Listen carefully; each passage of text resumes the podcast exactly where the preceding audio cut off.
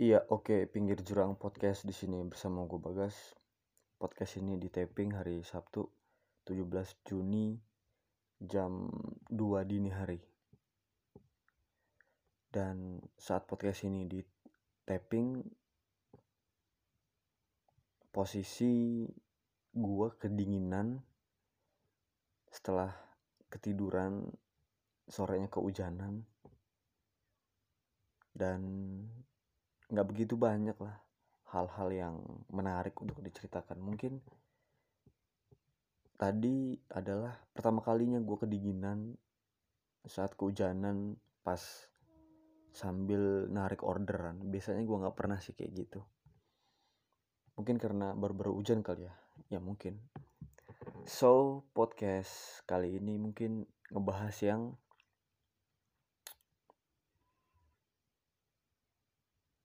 orang miskin nggak usah dikubur. Atau orang yang bener-bener nggak punya nggak punya dalam nggak punya di sini dalam artian bukan miskin ya. Nggak punya kontribusi dalam negara ini nggak punya hal-hal yang menguntungkan buat negara ya ditumpuk aja mayatnya. Karena apa? Karena podcast ini berangkat dari sebuah pengumuman yang gue lihat di masjid itu dia memberitahu kepada jamaah atau masyarakat sekitar bahwa lahan kuburan semakin sempit. Jadi jangan dibangun semen gitu. Apa namanya? Kuburannya jangan disemen, cukup pakai tanah aja dan kayu buat ngasih namanya udah. Dan di bawahnya dia tulis demikian pemberitahuan tersebut sekiranya dapat dimaklumi. Wassalamualaikum. Waalaikumsalam dong gue bilang dalam hati gue jadi kenapa orang miskin nggak usah dikubur? Pertama lahan itu kan bayar ya? Ya gue nggak tahu sih di tempat pemakaman umum itu bayar apa enggak mungkin kalau di mungkin kalau lu beli tanah sendiri dan lu punya tempat pemakaman keluarga ya silakan aja. Dan gue juga punya sih makam keluarga. Jadi dari uyut-uyut gue bude pak d mbah-mbah gue yang meninggal di situ. Itu keluarga dari bokap gue dan mengapa orang miskin ini nggak usah dikubur. Karena yang pertama tanah semakin langka semakin sempit dan berapa persen juga perbandingannya antara orang yang meninggal dan orang yang hidup. Maksud gue yang lahir. Mungkin lebih banyak yang lahir ya daripada orang yang meninggal ya.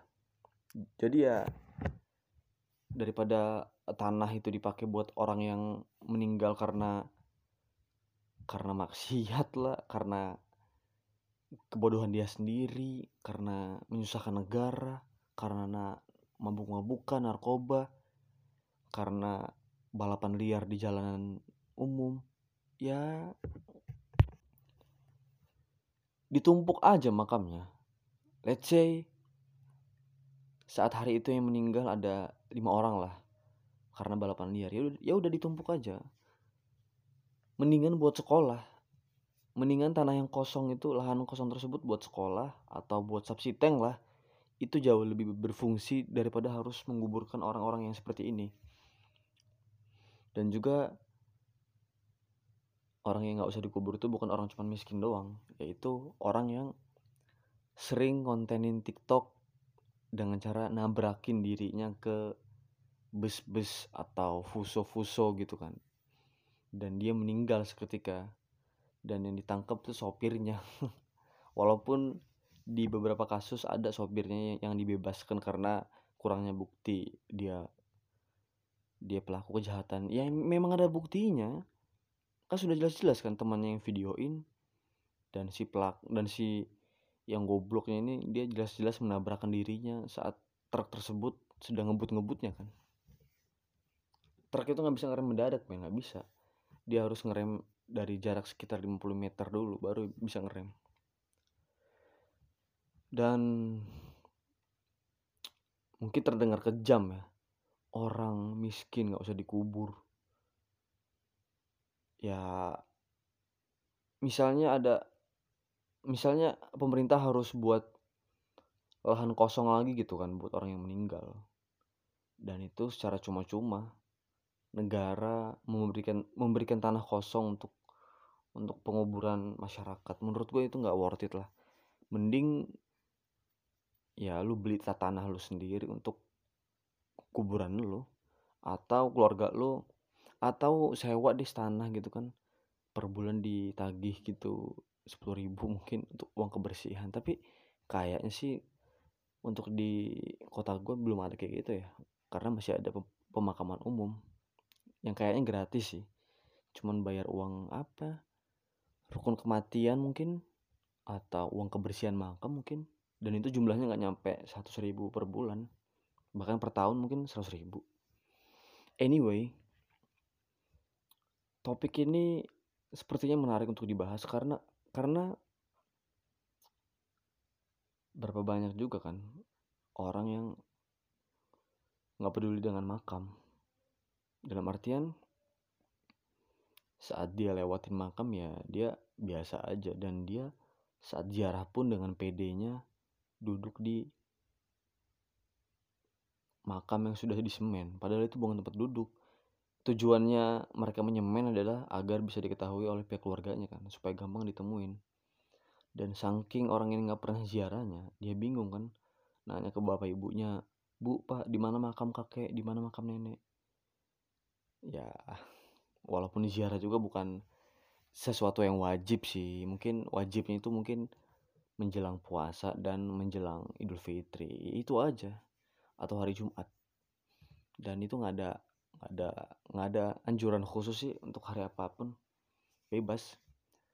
Dan ziarah juga termasuk amalan kok. Karena kita mendoakan seseorang yang berbeda alam dengan kita memohon untuk diampuni dosa-dosanya dan itu bagus. Dan apabila nantinya kebijakan ini bakalan ada di Indonesia pasti bakal banyak yang protes tuh. Terutama orang yang miskin gitu kan yang rumahnya kubuk yang belum bisa yang dia makan aja sulit dan saat dia meninggal itu ya ditanam aja udah supaya tumbuh singkong dan dia makan mungkin. Nggak nggak bercanda bercanda dan akhir-akhir ini kayaknya makin banyak yang meninggal karena bahan kimia di makanan itu makin banyak ya. Kayak makanan seribuan itu kayaknya sudah makin jarang. Sekalipun ada itu pasti bakal dikecilin porsinya.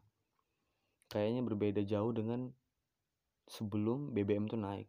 Sekitar setahun yang lalu itu makanan seribuan itu masih banyak dan porsinya bakalan lebih besar.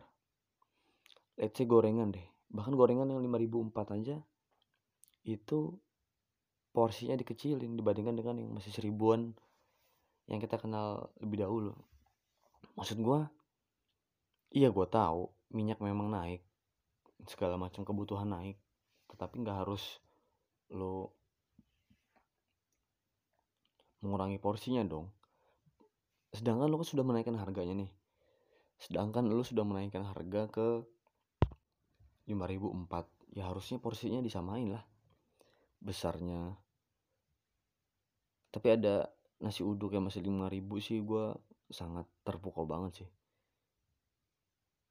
Terlepas beras yang lu beli itu beras bulog atau beras raja udang ya gue respect dengan yang kayak gitu-gitu. Tapi untuk yang oh iya. Karena terkadang orang yang nggak punya ini itu mereka lebih survive dibandingkan dengan orang yang menengah ke atas. Kenapa? Karena mereka itu punya antibody di dalam tubuh dia itu. Antibody dalam artian mereka bisa kebal penyakit. Ya gimana enggak mereka udah tahan panas kan siang-siang nyari bungkus aqua nyari botol-botol bekas untuk dijual kembali untuk berjuang hidup. Jadi jangan ajari dia gimana cara bertahan hidup. Ya kasih mereka duit aja lah. Kasih mereka tempat tinggal lah udah. Kalau lu ngajarin mereka cara bersih-bersih itu nggak bakal nyampe ke mereka. Ya karena mereka juga masih lapar perutnya.